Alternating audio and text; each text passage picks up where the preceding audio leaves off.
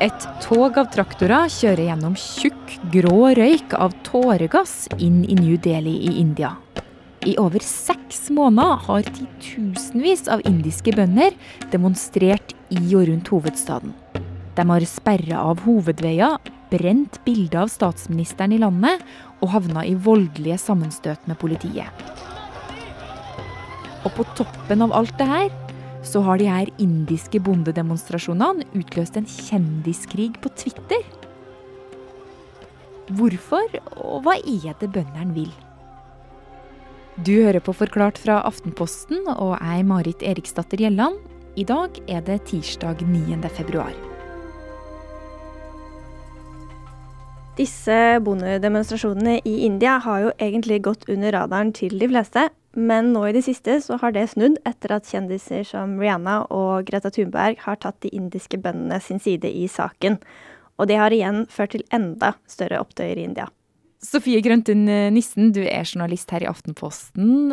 Altså bønder som demonstrerer kjendiskrig. Hva, hva er det her for noe? Jo, for å forstå hva disse bøndene har kjempet for i nesten seks måneder nå, så må vi sette oss litt inn i hvordan det er å være bonde i India. For over halvparten av Indias yrkesaktive befolkning jobber faktisk i landbrukssektoren. Og mange av dem er helt avhengige av landbruket for å ha et tak over hodet og mat på bordet. Men likevel så utgjør ikke den sektoren mer enn 15% av landets bruttonasjonalprodukt. Og en gjennomsnittlig bonde tjener bare 1200 norske kroner i måneden. Mange sliter med veldig høy gjeld, eh, og noen har gått konkurs. Og det har faktisk blitt så ille at tusenvis av indiske bønder de siste årene har tatt sitt eget liv. Og denne veldig vanskelige situasjonen mange bønder er i, har å gjøre med at landbruket i landet er i krise. Det er en til dels økonomisk krise. Det er mange bønder som, som har det vanskelig økonomisk. Kenneth Bo Nilsen forsker ved Universitetet i Oslo, bl.a. på India og indiske bønder. De er ofte tynget av gjeld og er økonomisk sårbare. Altså Slår høsten feil i en sesong eller to, så, så har man økonomiske vanskeligheter.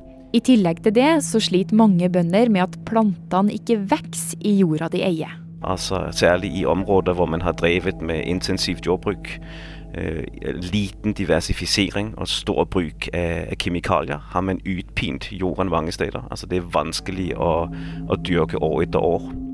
Og sånn som systemet har vært, så har de her bøndene og staten hatt et tett samarbeid. Altså Frem til nå så har landbrukssektoren eh, vært regulert av myndighetene. Det er staten som har satt en minstepris for varene, og de har også bestemt hvilke kjøpere som har tilgang til markedet. For bøndene så har dette vært en veldig viktig trygghet, eh, selv om mange likevel sliter under denne ordningen. Men mange mener at dette ikke har fungert så godt. For de siste årene så har inntektene fra landbruket stoppet litt opp, og sektoren har hatt et stort behov for modernisering og flere investeringer. Og pga. dette så bestemte den indiske regjeringen seg for å endre lovverket. Ja, hvordan da? Nei, Det indiske myndigheter bestemte seg for, det var et nytt lovforslag eh, som skulle minimere statens rolle i landbruket, og i stedet åpne opp for det private markedet.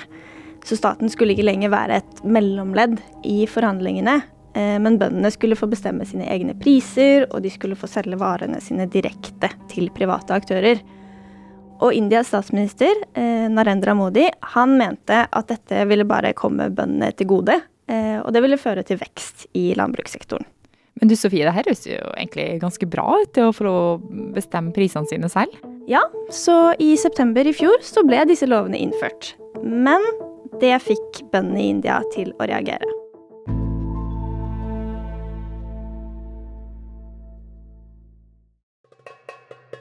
Det som skjedde da disse nye lovene ble innført i september, var at indiske bønder de ble rasende.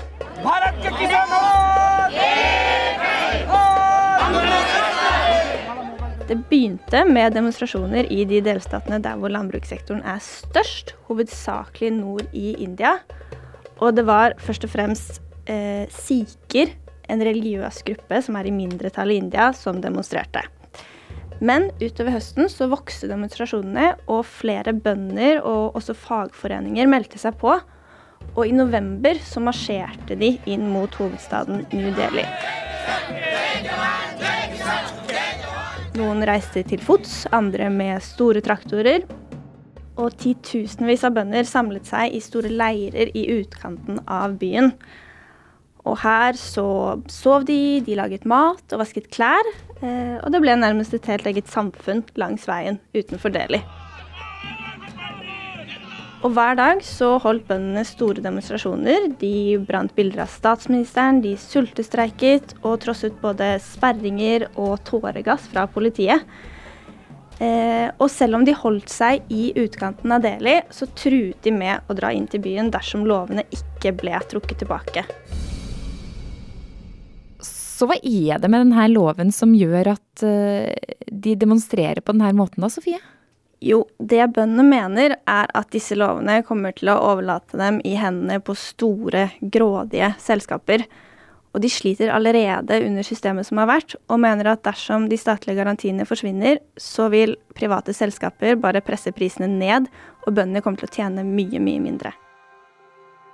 Og Da frykter man da at hvis staten drar seg ut med det sikkerhetsnett som har vært før, da vil disse småbøndene på en eller annen måte stå, stå ansikt til ansikt med store, kapitalsterke multinasjonale selskap. Og da frykter man fra bøndenes side at det er en kamp som den, den enkelte bonden ville kunne tape. Altså at uh, de indiske småbøndene blir skvist ut av landbruket, rett og slett, og at de kapitalsterke aktørene kommer inn og tar seg til rette og at det blir på en måte en, en, en kamp som, uh, som småbøndene kommer til å tape. Nettopp fordi de er i en, en, veldig utsatt og økonomisk vanskelig situasjon fra før, ganske ofte. Men du Kenneth, du forsker jo på det her. Altså, er det en reell frykt det de indiske småbøndene har? Ja, altså hvis man ser seg rundt i, i verden, så er det sjelden at en sånn fullskala liberalisering av landbruket over natten har ført til en betydelig vekst i bønders øh, velstand. Det har vært et av løftene fra regjeringen at man gjør dette fordi man ønsker å fordoble bøndenes innkomst øh, på, på, kort sikt i løpet av 12-24 måneder det er nok øh, veldig tvilsomt. Det er mulig at man vil se en konsentrasjon, muligvis en effektivisering av jordbruket, hvor det vil være behov for færre bønder. Men de bøndene som da ikke lenger kan være bønder, kanskje fordi de nettopp skvises ut av dette markedet. Hva skal de da gjøre? Det er jo det store spørsmålet. Så, så det, det, er på en måte man, man introduserer et, øh, et, liberalistisk setup, kunne man si, hvor det er mange usikkerhetsfaktorer, og hvor utfallet er veldig ukjent. Og det er, er med på å øke den øh, frustrasjonen og nervøsiteten hos disse bøndene. Og nå etter jul så eskalerte. For da ble de hittil fredelige protestene voldelige.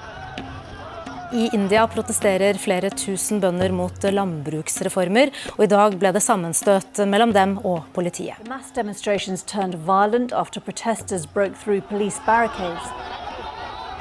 Tusenvis av bønder som i månedsvis hadde protestert i utkanten av New Delhi, tok seg inn i byen.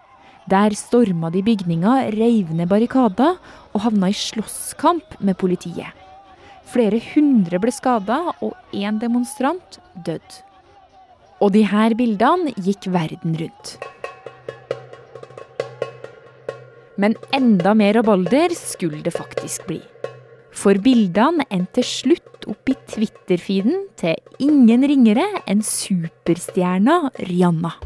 Og etter fulgt selveste Greta Thunberg.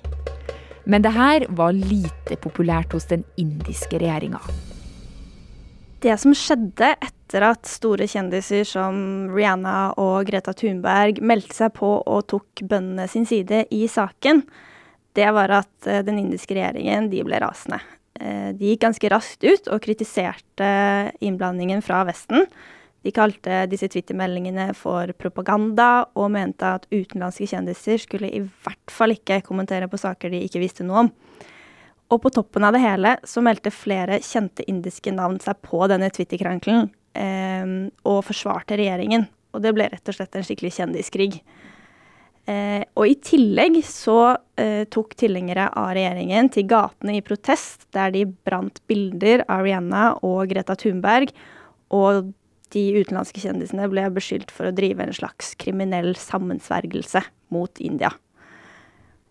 Og nå truer faktisk India med å straffe Twitter dersom selskapet ikke blokkerer over 1000 kontoer og poster som regjeringen mener oppfordrer til vold, eller som sprer feilinformasjon om bondeprotestene. Hm. Jeg får sånn flashbacks egentlig til USA og valget der, når eh, massevis av Twitter-kontoer ble sperra pga. QAnon. Men eh, hva har Twitter gjort her, da?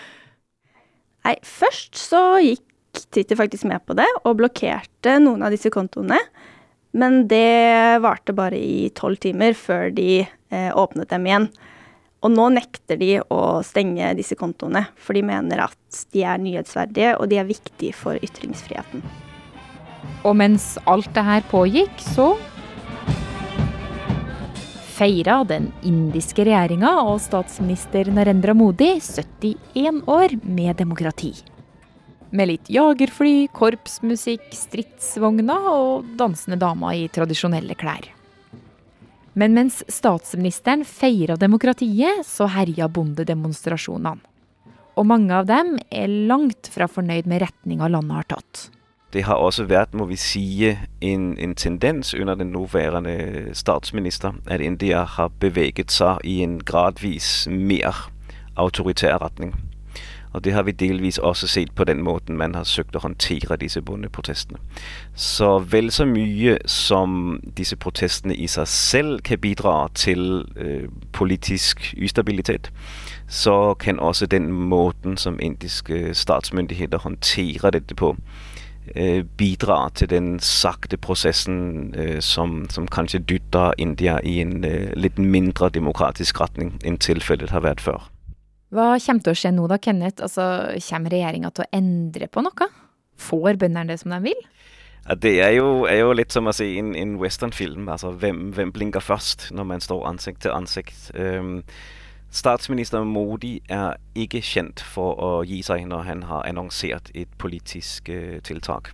Det man har sagt fra regjeringens side, er at nå, eller iallfall med, med bidrag fra den indiske høyesterett, er at nå suspenderer man disse lovene i 18 måneder, og så har man en høringsrunde med sentrale aktører, og så skal man se på disse lovene igjen om halvannet år.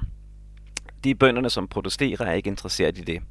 De er ikke interessert i at disse lovene skal finpusses eller justeres. De skal, de skal kasseres i sin helhet.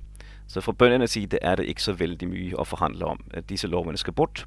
Og de er ikke interessert i noen høringsrunde. Altså, de mener at disse lovene er fundamental øh, feil, og er ikke interessert i å justere på den.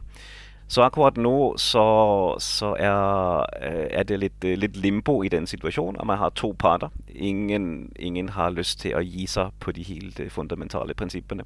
Og så spørs det jo det å drive en bondebevegelse hvor man skal ha titusenvis av bønder som skal demonstrere Dragonat, det er en, en større logistisk øvelse. Så det blir jo også en kamp på, på ressurser. Altså har bøndene har de, har de rett og slett mulighetene for å holde disse protestene gående, gående over tid.